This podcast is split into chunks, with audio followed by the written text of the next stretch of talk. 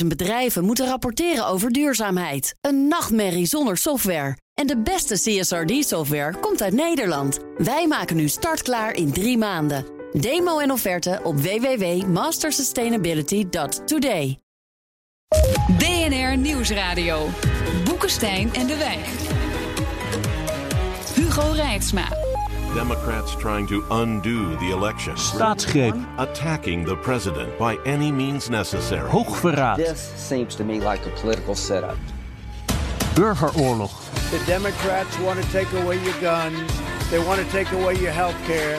They want to take away your vote. They want to take away your freedom. Welkom bij Trump 2020. De strijd voor herverkiezing en tegen impeachment. Belooft een jaar vol verse dieptepunten It's nothing short of a coup. en een verder verscheurd land. I'm Donald Trump, and I approve this message. Welkom bij Boekenstein en de Wijk op zoek naar de nieuwe wereldorde. Met in de studio de liberale, dus staatsgevaarlijke, Arend-Jan Boekenstein. Ik blijf voor hem waarschuwen. en namens de Deep State is hier Rob de Wijk. Hij bepaalt, zoals u weet, wat u wel en niet mag vinden. Zo is het. Onze gast is oud-Amerika-correspondent en BNR-buitenlandcommentator. Op donderdag in BNR De Wereld stelt hij de vragen. Vandaag bij ons de antwoorden. Bernard Hammelburg. Jouw laatste show, Bernard. Is alweer een, een, een dag oud. Dus de wereld volgens Trump is alweer helemaal eh, een heleboel tweets verder. Eh, en hij heeft nu. De aantijging hè, was eh, dat hij Oekraïne onder druk had gezet om zijn politieke opponent uit te schakelen. Dat heeft hij nu herhaald voor televisie. Zeker. En, en, en ook gezegd dat die. Dus in feite geven ze ook toe dat ze China onder druk zetten. ja. En ze hebben Italië onder druk gezet. En, het Verenigd Koninkrijk onder druk gezet. En Australië onder druk gezet. Allemaal met hetzelfde bericht. eh, kunnen jullie vuil vinden over Joe Biden en nog een paar dingen? En kunnen jullie niet eens even je eigen veiligheidsdiensten onder oog nemen? Mijn vraag is: is die vraag ook gesteld aan de AIVD? en waarom? Nee, maar waarom? Omdat de AIVD was een van de eerste diensten in de wereld die op het spoor zat van eh, het, wat later de, het Rusland-onderzoek Ja, werd. wij keken in de, Ja. In de huiskamer waar dat gebeurde, bij wijze van spreken. Precies, precies. Ja. Dus, dus dat is voor mij. En eh, ik ben ontzettend benieuwd. Het zou me niets verbazen hoor. Maar, maar Bernard, is dit niet heel erg dom? Dit is, hij, hij incrimineert Nee, toch zichzelf hier? Nee, nee, nee, nee, nee. Dat is helemaal niet dom. Kijk, Trump, Trump redeneert heel simpel. Eh, hij heeft maar één tegenstander. En dat is eh, Joe Biden. Omdat dat een man is van het midden. En wat je verder van hem vindt, vind je van hem. Maar zo ziet hij het. De rest, Elizabeth Warren en Kamala Harris, en noem ze maar allemaal maar op. Dat is socialistisch, communistisch, links tuig. Met andere woorden, daar hoef ik als Donald Trump bij de verkiezingen van 2020 helemaal niet bang voor te zijn. Die veeg ik zo weg. Maar die Biden, dat is echt een gevaar. Nou, dat is nu opgelost, want die is afgeserveerd. Ja, nou, maar het is ook heel knap gedaan, vind ik hoor. Eh, dus eh, normaal zou de reactie van een politicus zijn van ontkennen dat dit gebeurd is. Dat is de normale reactie. Dat deed hij in eerste instantie toch ook? Jawel, maar vervolgens gaat hij daar overheen en maakt het nog veel groter. Het is toch En zegt, ja, nee, eh, natuurlijk heb ik dat eh, gevraagd. En eh, ik heb het ook nog, by the way, gevraagd aan een aantal andere landen. Daarmee leid je volgens mij volkomen de aandacht af. En krijg je draagvlak ook voor iets wat inherent eigenlijk gewoon totaal illegaal is. Ja, het is toch illegaal? Ja, natuurlijk is het illegaal. Maar iets wat illegaal nou, dat, is... dat, roep- hoe, waarom? Ja, het is me- niet netjes, het is immoreel. Ik meen me dat Nee, van Rusland-onderzoek te herinneren. Volgens mij, volgens mij is het illegaal, omdat je volgens de dat Amerikaanse het wet, volgens de Amerikaanse wet niet een ander land onder druk mag eh, zetten eh, om voor, voor binnenlandse politiek eh, gewin. Het staat niet in de wet. Het is wel waar, ik ben het wel met je eens, maar het staat niet in de wet. Dat is nu het hele punt. Want Mhm. dat, dat speelt in zo'n impeachment-discussie ook altijd. Mhm. Dat gaat dan om, eh, om eh, bribery, treason en other high crimes eh, or misdemeanors, waarvan Ja. niemand weet wat het betekent, Nee. dat zinnetje. En dat is een politieke interpretatie, die geef jij nu. Jij zegt dus, mijn politieke interpretatie is dat dit illegaal is. Maar juridisch is dat nog maar helemaal de vraag. Nou, ik ik ben het niet helemaal mee eens. Nee, Want zeg eens wat van. Want ik vind namelijk, de crimes en misdemeanors... Kijk, luister, dit is gewoon een klassieke détournement de pouvoir. Hè? Abuse of power. Dat je wil zeggen, je gebruikt dus je positie Ja, als president... om je de- om dirt te vinden. Nee, om onderzoek te laten doen naar, naar dirt van een politieke tegenstander. Nou, dat is in juridische zin eh, zeer ernstig. Hè? Waar Bernard- Nee, waar- het is in politieke zin heel ernstig. ja, maar, maar waar, je, waar je gelijk in hebt, is dat in politieke zin. eh, kijk, het spelletje wat Trump speelt, dat is echt heel treurig hoor. Is, eh, het maakt hem helemaal niet meer uit welke regels er bestaan. Hij heeft gekeken naar de geschiedenis. Impeachment lukt niet. Hè. Bij Clinton werd er alleen maar sterk. Hij voelt zich dus heel sterk. Gooit gelijk ook alles eruit. En, en hij weet, zolang die mensen maar denken. Eh, dat ik word tegengewerkt, zullen ze denken dat zij zelf worden tegengewerkt. Met andere woorden, het is dus de strijd. Ik strijd voor het volk. En mensen die tegen mij zijn, zijn dus tegen het volk. Dat wil hij ook graag. Dat frame wil hij ook heel graag. Maar even in strikt staatsrechtelijke en juridische zin is dit natuurlijk gewoon schandalig. En dat zou, als wij daar eh, congreslid zouden zijn, wij zouden dus echt absoluut hier impeachment van maken. Afgezien van het feit dat we de tactische natuurlijk niet gaan winnen. Maar de principiële zaak is helder. Maar Bernard, betekent dit jouw redenering hè, dat het eh, eh, niet illegaal is, maar eh, niet legitiem? Daar komt het feitelijk op, op neer. Ook dat wat er gebeurd is met de Russische beïnvloeding van de verkiezingen, waarbij en, en stel je voor dat inderdaad Trump Rusland ertoe heeft bewogen om dat te doen. Dat zou dan ook, dat zou dan ook niet illegaal zijn? Wel als dat laatste zo is. Maar dat is nu juist uit het Mueller-onderzoek niet gebleken. Iedereen heeft meegedaan aan eh, die be- Mhm. beïnvloedingscampagne door de Russen. Behalve Trump zelf. Dat is helemaal nergens aangetoond. Ja, en ik vraag me ook af of het zo is hoor. Ik denk, ik, denk, ik denk het wel. Nou, oké, dat kan. Nee, maar kijk, ik bedoel, als je Maar een controlfreak, begrijp je als je vraag. een controlfreak hebt als Trump, Ja. die zal gewoon proberen de zaken naar zijn hand te zetten. Dat kan bijna niet anders. En eh, er, is, eh, er zijn wel vergelijkingen getroffen, ge- getrokken met een maffiabaas. Die zal ook nooit direct een opdracht geven. Maar die zegt, zou het niet goed zijn dat? En dan Ja. vervolgens weten zijn handlangers wat, Ja. eh, wat En er dan- moet en gaan dan, gebeuren. Dan kom ik terug op eh, hoe dit aan het rollen kwam met dat gesprek met eh, de president van Oekraïne. Daar heb jij, eh, Rob, een punt. Omdat dat was echt een maffia-opzet. Ja. Ja. Eerst zegt Trump. ehm, ik trek even die beloofde 400 miljoen eh, dollar aan militaire hulp in. En een paar dagen later zegt hij: Zeg, kun jij eens die Biden gaan onderzoeken? Nou, daar is verband tussen het een en het ander. maar dat heeft hij nooit zo gezegd. Nee. Dat is inderdaad typisch een maffiatactiek. Ja. De vraag is: is het illegaal? En naar mijn idee, gewoon strak, orthodox, juridisch redenerend, is het antwoord nee. Ja, ik weet het niet. Ik weet het niet. Bernard, hoe begrijp jij die nog weer, zelfs voor zijn doen, hardere uithalen in de media? Over staatsgreep, over hoogverraad. Je zou kunnen denken, misschien gaat hij zich zorgen maken. Wel nee. Ehm, Daarvoor zijn we het eens. van? Huh? Nee, ik geloof niet dat hij zich zorgen maakt. Ik denk dat hij denkt. het- het- het- da- da- Daarom herhaalt hij ook zelf steeds Ja. wat hij allemaal heeft gedaan. Dit is een gouden kans. Eh, en vergeet niet, hij, als Trump spreekt, spreekt hij altijd uitsluitend tegen zijn eigen aanhang. Ja. Nooit iemand anders. Maar als jij gelijk En, hebt, en, en die, en die vindt het fantastisch. Wat Maar als jij gebeurt. gelijk hebt, eh, Barnard, eh, dat dit dus eh, wel degelijk legaal is wat er gebeurd is, welke kans maakt dan een impeachment? Nul. Er is in de geschiedenis van Amerika nog nooit een president afgezet. Ja, dat zegt me niet zoveel. Nee? Bedoel, Ooit moet het een keer de eerste zijn. En, ja, en de vraag is ook: eh, de, de, de vraag of, of iets eh, high crimes of misdemeanors is, is een politieke, nooit een juridische. Hè, Er zijn twee gevallen, of drie gevallen. Er zijn twee, drie gevallen waarin het heeft gespeeld. Eén was Johnson in 1868 uit mijn hoofd. Dat was de opvolger van Lincoln. En waar, wat was nou het probleem? Die wilde, net als Trump met Obama eigenlijk, alle, alle eh, verworvenheden van Lincoln terugdraaien. Dus die wilde terug naar de slavernij, zal ik maar zeggen. En die wilde alle. Nou, en die heeft op een bepaald moment zijn minister van Oorlog ontslagen. Dat leidde tot een impeachment, omdat het congres toen zei: ja, maar daar gaan wij over. Maar Barnett, je moet En, en, en, en, en, en het, met Clinton, ja, dat ging, die had gelogen over eh, seks met een meisje. Kom op, zeg. Eh, dus het is maar. Nou ja, kijk, eh, Nixon is opgestapt. Die heeft het zover niet laten komen, want die Nee. was daadwerkelijk strafbaar. Ja, maar Bernard, je moet een onderscheid maken tussen strikt juridische dingen en politieke dingen. Natuurlijk is het politiek, daar heb je sowieso gelijk in. Maar elke rechter, ook in Nederland, erkent détournement de pouvoir. Dat mag dus niet. Hè? En het is dus heel wel mogelijk om een juridisch argument op te zetten dat dit valt onder crimes en misdemeanor. Waar je gelijk in hebt, is dat het heel wel mogelijk is dat de politieke momentum er niet voor komt. Omdat de Republikeinen gewoon achter hem blijven staan. En zeker ook zijn eigen achterban. Ja, maar het is Ja, ook hoeveel. reden ook- is dat dit machtsmisbruik is. Ja. Dus eh, wat jij dus feitelijk zegt, Bernard, is dat machtsmisbruik toegestaan is. Nee, het is, is dat het niet. Nee, dat het een politiek oordeel is of het zo is en niet een juridisch. En eh, vergeet niet, dit speelt niet voor de rechtbank. Dit speelt voor het congres. Congres. Het Huis van Afgevaardigden doet de aanklacht. Dat gaat ook wel gebeuren, denk ik. Ja. Dat gaat dan naar de Senaat en die, dat wordt de rechtbank. En die moet met twee derde meerderheid besluiten om zo'n impeachment Ja, dan goed wordt te het interessant. En dat gaat niet gebeuren. Nou, dat weet ik niet. Kijk, politici zijn door de bank genomen opportunisten van de bovenste plank. Hij is niet gekozen door de Republikeinse Partij, maar ondanks de Republikeinse Partij. Eén ding is wat je niet moet doen in, eh, in het normale leven. Maak geen onnodige vijanden. Dat heeft hij gedaan bij de inlichtingendiensten. Nou, je ziet nu dat hij dus een eh, klokkenluider eh, op zijn dak eh, krijgt. Vanuit de inlichtingendiensten die zeggen van... ja, maar wat je hier doet, dat kan, dat kan niet.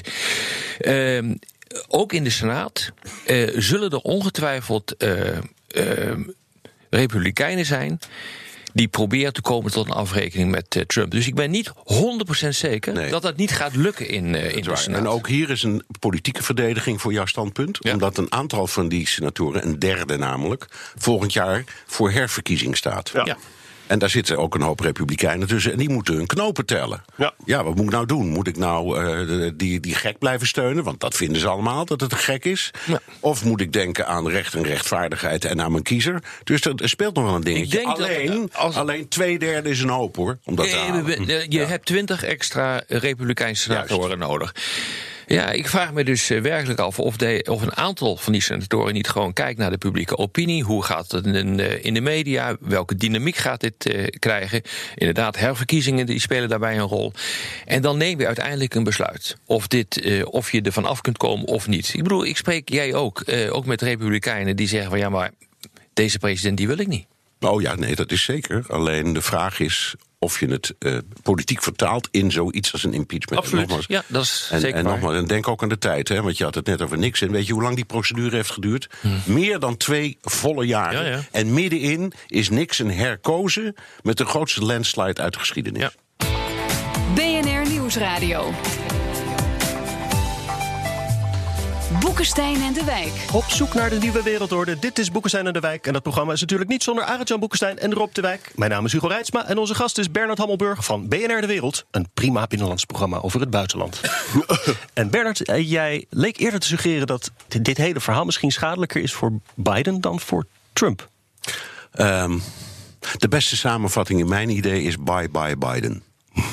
Het- het- dat hij, denk is, ik hij, ook. is, hij is afgeserveerd. Ja, dat denk ik ook. Eh, omdat eh, allerlei redeneringen, waar rook is, is vuur. Maar ook, er, er, er was misschien wel degelijk iets aan de hand, weten we niet. Zijn zoon kreeg 50.000 per maand bij een Oekraïns alleen, bedrijf. alleen maar omdat hij Biden heette. Ja. En dat, dat Oekraïense gasbedrijf was weer in onderzoek door een aanklager. Die kwam in moeilijkheden. De Britten zeiden dat er sprake was van omkoping en corruptie. Er waren allerlei dingen. Nooit bewezen overigens. Nee, maar 50.000 per Maar- maand voor iets dat je niet kan... en het zoontje van de vice... Ik bedoel, Dat is toch ook gewoon corrupt? Precies. Oké, dus bye bye Biden. Bye bye Biden. Ja, dat denk ik ook. dat ja. heeft Trump Ja, lekker voor Dat elkaar hebben we ook opgelost. Ja. De vraag is natuurlijk hoe het uiteindelijk voor hem uitpakt. Ik, ik, ik vind het heel erg lastig om te voorspellen. En dat kan hij ook niet, wat de dynamiek wordt van dit eh, geheel. En dat is denk ik waar, die, eh, waar de Democraten ook gokken in, op gokken in het eh, congres. Dat het een bepaalde dynamiek, een bepaald momentum krijgt. eh, waardoor uiteindelijk Trump er toch onderdoor gaat. En ik denk dat de ongewisse factor de steun is van de Republikeinen. Als daar dus veel, toch onderhuids veel oppositie is tegen Trump. Dat men zegt van dit willen we niet, deze man sloopt onze partij. En echt, we moeten even teruggaan naar het begin. Hè. Hij is president geworden ondanks de eh, Republikeinse partij, niet door die partij. Maar gaat dit de campagne, we hebben nog een jaar geloof ik ongeveer tot de verkiezingen, gaat dit de campagne domineren, impeachment, of gaat het ook nog over andere dingen? Nee hoor, het gaat zeker over andere Nee, eh, economie. ec- economie, Ja. tuurlijk. Ja. Economie is altijd nummer één. En dat, dat, dat is wat eh, Trump meer bedreigt dan die hele impeachment-affaire, naar mijn idee. Omdat eh, er een kans bestaat op recessie of in elk geval economische problemen. Dat kan hem in, in, in moeilijkheden brengen. En even over wat Rob zei. Kijk, waar, wat zou kunnen gebeuren, is eh, in de, de, de McCarthy-periode, die heksenjacht op Mm. communisten, die eindigde van de ene op de andere seconde, omdat er een verhoor was van de zoveelste persoon die werd verdacht van communisme of communistische sympathieën. En toen stapte de, de, stond de, de advocaat van die eh, verdachte op en die zei tegen McCarthy: Have you no decency, sir? En toen was het in één keer afgelopen. En het kan best zijn dat er een republikein Nou ja. opst- opstaat... Dat- die, die, die, die tegen op een bepaald moment tegen Trump zegt... have you no decency, Dat is, dat sir?" is ook zo. En wat je ziet op de achtergrond, wat er op dit ogenblik eh, aan het gebeuren is, dat Trump meerdere malen heeft gerefereerd aan mijn Second Amendment friends. Eh, dan eh, bedoelt hij daar kennelijk mee bijvoorbeeld het leger, de politie, bikers, Trump-bikers. Ja, met andere woorden, hier wordt een sfeer gecreëerd. Eh, het woord staatsgreep is al gevallen. Dit is de retoriek van een, van een komende staatsgreep. En het zou mij niet verbazen dat als hij dit nog een paar keer doet, dat een deel van eh, de eh, Republikeinen zeggen van ja, maar jongens, maar dit is niet wat wij willen. En dan met name de Republikeinen in de Staten. Op het moment dat je ziet dat de rechtsstaat daadwerkelijk in eh, het geding komt. en je bent inderdaad fatsoenlijk. Dan moet ik nog zien wat er gaat gebeuren. Ik bedoel, ik kan dat niet voorspellen. Maar hou wel rekening met dit soort dynamiek. En ik vind het zeer opmerkelijk eh, dat Trump nu deze kant op gaat. Eh, daarbij komt ook nog een keer dat het niet zeker is dat wanneer er een hele nauwe verkiezingsuitslag eh, komt, dat hij die gaat accepteren. Daar heeft hij ook al op, eh, in- zeker in 2016 heeft hij daar ook al op vooruit gelopen. Van nou, laten we maar eens kijken of ik het dan nog ga accepteren. Weet je, ik denk dat ook een aantal Republikeinen denkt van ja, maar dit is wat wij niet willen.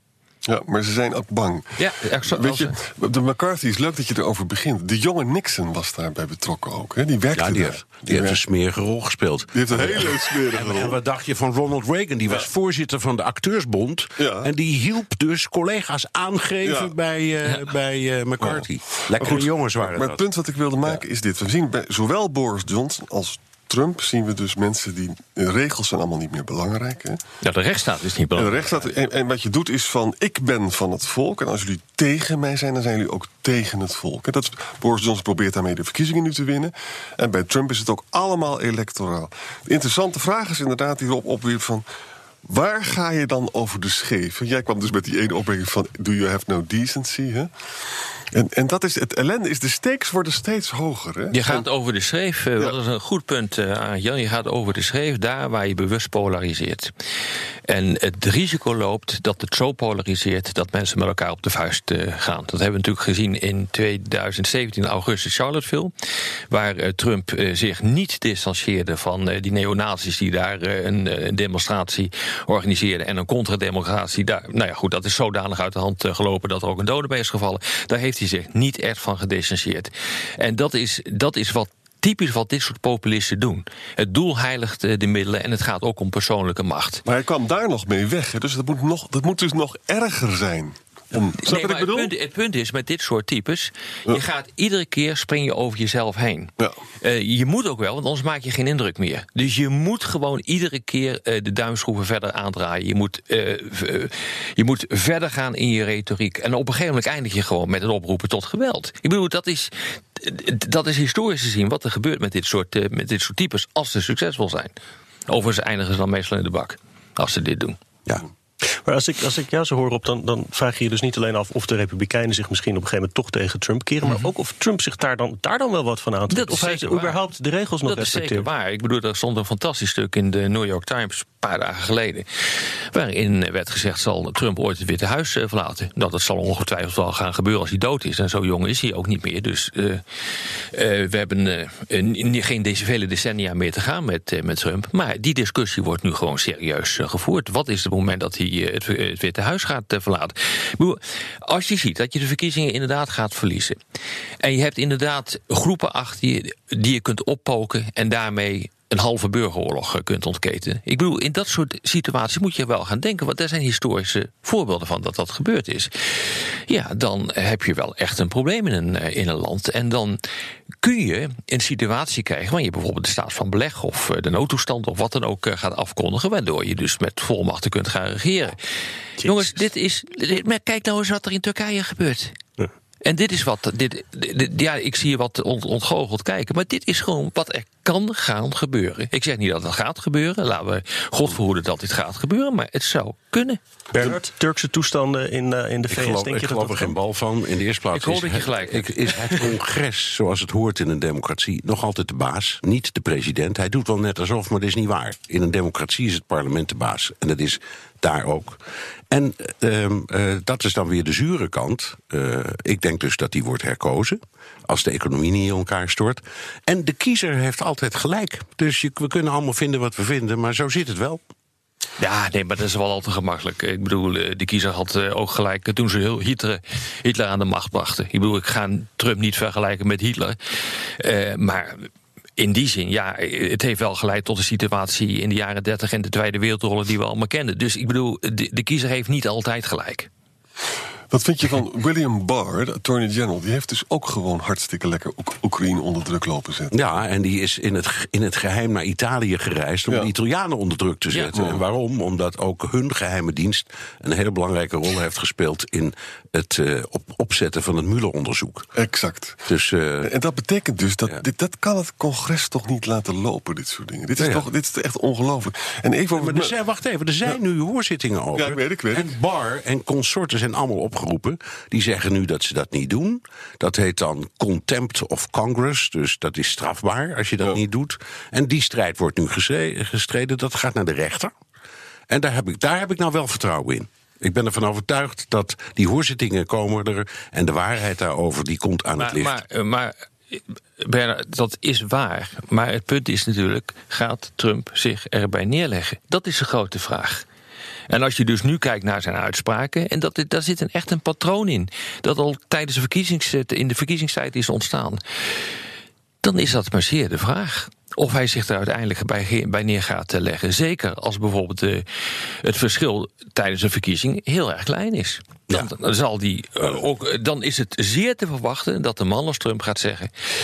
Eh, nou, deze. I do not concede, Exact. zal hij dan zeggen. zal Ik- hij ik- zeggen van ik- ik, ik eh, geef deze mijn- verkiezingen mijn- die zijn eh, besodemieterd door, door anderen en eh, dit klopt eh, van geen kanten en eh, ik eh, en ik roep mezelf tot Nee, maar dan gaat het uiteindelijk naar de rechter. Want dat is vaker gebeurd. Denk aan, eh, Ja. aan Gore en Bush. Ja. Eh, dat kan. Eh, en dan duurt het een paar weken en op een bepaald moment dan, dan doet die rechtbank een uitspraak. Nou ja, dat, dat, dat, eh, dat dan, zou eh, kloppen, maar dan moet je dus wel een onwrikbaar vertrouwen hebben in de rechtsstaat. Ja, maar dat heb ik. En het is ook niet zo dat. hij is dan wel opperbevelhebber. eh, maar de Amerikaanse wet zegt dat de krijgsmacht niet mag worden opgeroepen in het binnenland. behalve de Nationale Garde. Dat gaat hij echt niet doen om zoiets. Ondenkbaar. Nou, ik zou. Het was ook ondenkbaar dat iemand als Trump aan de macht zou komen vijf jaar geleden. Nee, dat is niet waar. Er waren, waren velen, waaronder ik zelf, die hebben gezegd dat hij zou winnen.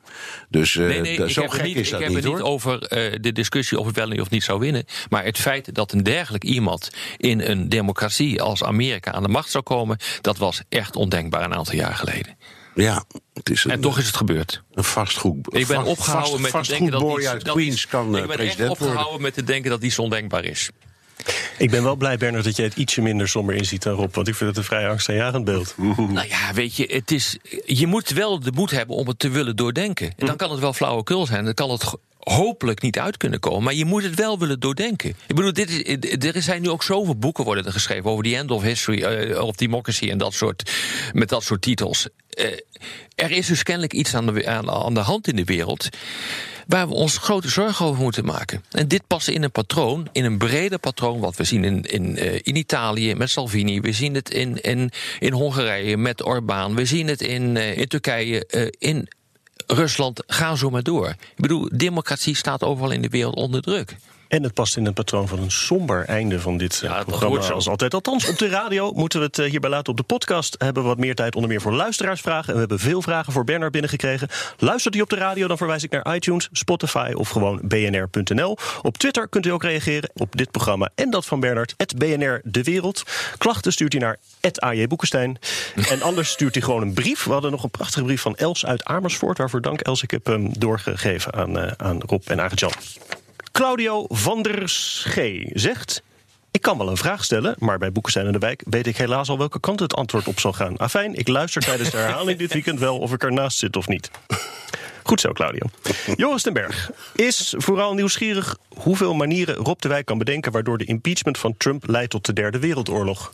Dus zover waren we nog niet. Nee, nee, nee. Geen één. Nee. Geen één. Jan vraagt: welke articles of impeachment zullen geformuleerd worden? Enkel het corruptieonderzoek in Ja, Oekraïne? Dat vind ik een goeie, omdat dat is aan het congres. Om articles of impeachment kun je formuleren. En je kan er maar één doen of je kan er twaalf doen. Eh, in dit geval zou het dan gaan over waar we het straks al eerder over hebben gehad. Is er sprake van machtsmisbruik? Dat zal dan in zo'n article of impeachment staan.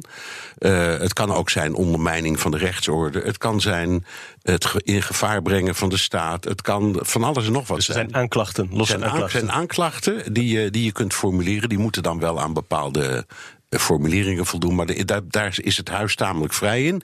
En dat is heel interessant. Ehm, Mitch McConnell, de, de, de leider van de Republikeinse Partij... En, en voorzitter van de Senaat... ehm, die heeft eh, iets mysterieus gezegd van de week. Ehm, namelijk dat als het huis eh, met articles of impeachment komt, dat de Senaat dat dan in behandeling zal nemen. Dat, dat, dat ligt voor de hand, want zo luidt de wet. Eh, en hij zei ook: het is de vraag hoe lang we dat doen, want hij kan na tien minuten afhameren, zou ik maar zeggen. Maar het feit dat hij het zegt is wel een teken dat ook, waar Rob het in, eh, eerder over had, ook in de Senaat er republikeinen zijn die zich achter de oren Sterker krabbelen. nog, diezelfde Mitch O'Connell heeft eh, volgens mij, eh, is volgens mij akkoord gegaan met de democratische eis dat het rapport van de klokkenluider op tafel zou komen te liggen. Heeft hij ook gedaan. Ja, nou, dat Dus kwam had- ook omdat de inspecteur-generaal die door Trump was aangewezen. Eh, tegen Trump is in zijn bewering dat dat allemaal niet mag. en dat die klokkenluider illegaal heeft gehandeld. Dus die, die inspecteur-generaal is hem te hulp gekomen. En Mitch McConnell is, zoals bijna al die mensen in het congres, jurist. Ja. Dus die, die, die denkt in de eerste plaats: ja, hoe zit dat nou? Eh, nou, het is duidelijk.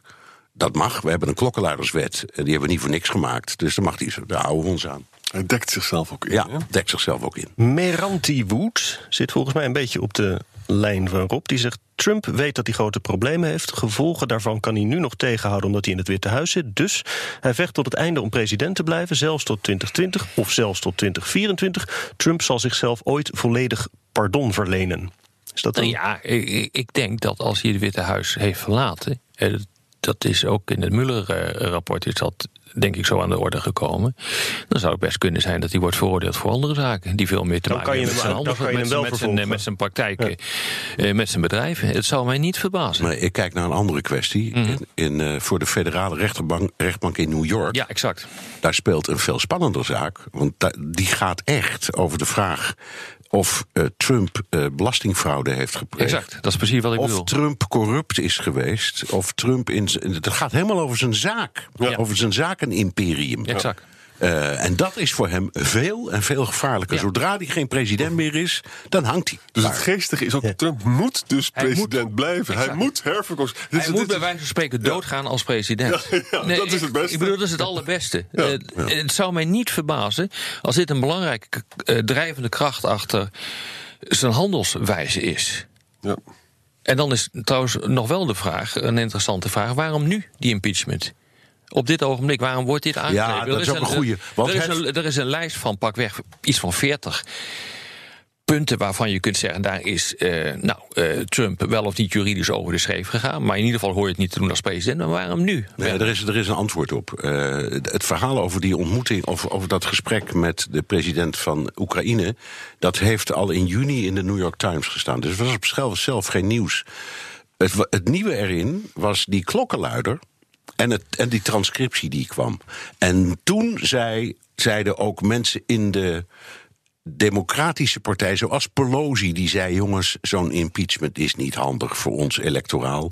Die gingen toen om. En die zeiden: nou is het mooi geweest. Maar wat levensgevaarlijk is met die klokkenluider, is dat Trump dus nu de steun van de inlichtingendiensten kwijt is. Ja, dat is levensgevaarlijk. nou, misschien is het goed nieuws. Want dat Nee, betekent dat dat, is- die hun onafhankelijkheid bewaren. Op die manier, ja, Ja. nee zeker. Ja. dat is levensgevaarlijk voor de positie van Trump. Ja, exact. Hij Verhoeven eh, vraagt: Is de grootste winst van deze impeachment misschien dat het Trump bezighoudt en afleidt? Zo kan je er ook naar kijken. Dat, ik vind het een leuke vraag trouwens. Ja, Eh, maar eh, als je. Trump volgt, we- doen net of we hem kennen, maar dat is natuurlijk geen sprake van. Maar als je hem volgt, dan is dat typisch iemand die zich de laatste hik in het leven herinnert en daar enorm over uitpakt. en wat daar vlak voor is gebeurd al niet meer weet. En dat geldt hier ook voor. Dit is op een dag weer voorbij, deze discussie. En dan komt er weer een Twitter-bombardement over iets heel anders. Is gewoon zoals die is. Het is een hystericus, naar mijn idee. Herman van Eimeren eh, vraagt. Eh, bent u het met me eens dat Trump-bashen te maken heeft met het feit dat hij tegen abortus is en hierdoor in Nederland dus een slechte pers heeft? Nee, maar het is geen Trump-basje, jongens. Laten we nou ophouden met dat, dat, dat soort flauwekultermen. Dit is geen Trump-basje. Hier is gewoon wat aan de hand. Hier is een president die mogelijkerwijs... Ja, maar dan, maar, niet, ja, maar dan, dan niet te dan zeg veroordelen je, door de het is, het, is, het is wel Trump-basje, alleen het mag. Nee, dat ben ik niet met je eens. Hier is echt gewoon echt wat aan de hand. We hebben een Mueller-rapport eh, gehad. We hebben nu deze casus, wat eh, leidt eh, tot een hele discussie over impeachment. Hier is gewoon wat aan de hand. Je moet daar ook op een normale manier over kunnen praten... zonder dat het Trump-basje eh, wordt, wordt genoemd. Ja. Eh, de vraag was, speelt abortus een rol? Beetje wel, omdat eh, Trump heel sterk leunt op de evangelische beweging. Je kan wel zelfs zeggen, die heeft hem in het zadel geholpen... en houdt hem waarschijnlijk ook in het zadel. Ehm, en, daar, en voor die organisatie is abortus misschien wel het allerbelangrijkste dat er is. Dus het antwoord is denk ik ja. Goed. Ja. Tot slot, eh, Joost Bekendam zegt: groot fan van jullie podcast. Dankjewel, Joost. En nu mijn vraag, en daarvoor kijk ik denk ik naar Bernard. Wat zou GBJ Hilterman vinden van Trumps optreden? En Ten slotte onze GBJ, Bernard. Nou zeg, Ehm, wat zou GBJ hebben gezegd? Ehm, Nou, een machtspolitiek. die, zou, die zou helemaal op de lijn zijn gaan zitten van eh, Rob en Arend Jan. En zich hebben gefocust op de geopolitieke kant van wat er allemaal gebeurt. Ja, dat denk ik ook, ja. En het ontvallen van de leidersrol van Amerika. Het eh, in- grote in- Amerika. Het grote. Amerika, want dat was een enorme Atlanticus. Ja. Dus die dweepte met Amerika. En als Amerika je ontvalt als, als, als, als, als, ja, als leider, als, eh, als, eh, als vuurtoren, dan is er iets aan de hand. Dus ik denk dat eh, hij die kant had gekozen. Dit was weer Boekenstein en de Wijk. Namens Arend-Jan Boekenstein en Rob de Wijk zeg ik dank voor het luisteren. Speciale dank vandaag aan Bernard Hammelburg. En tot volgende week.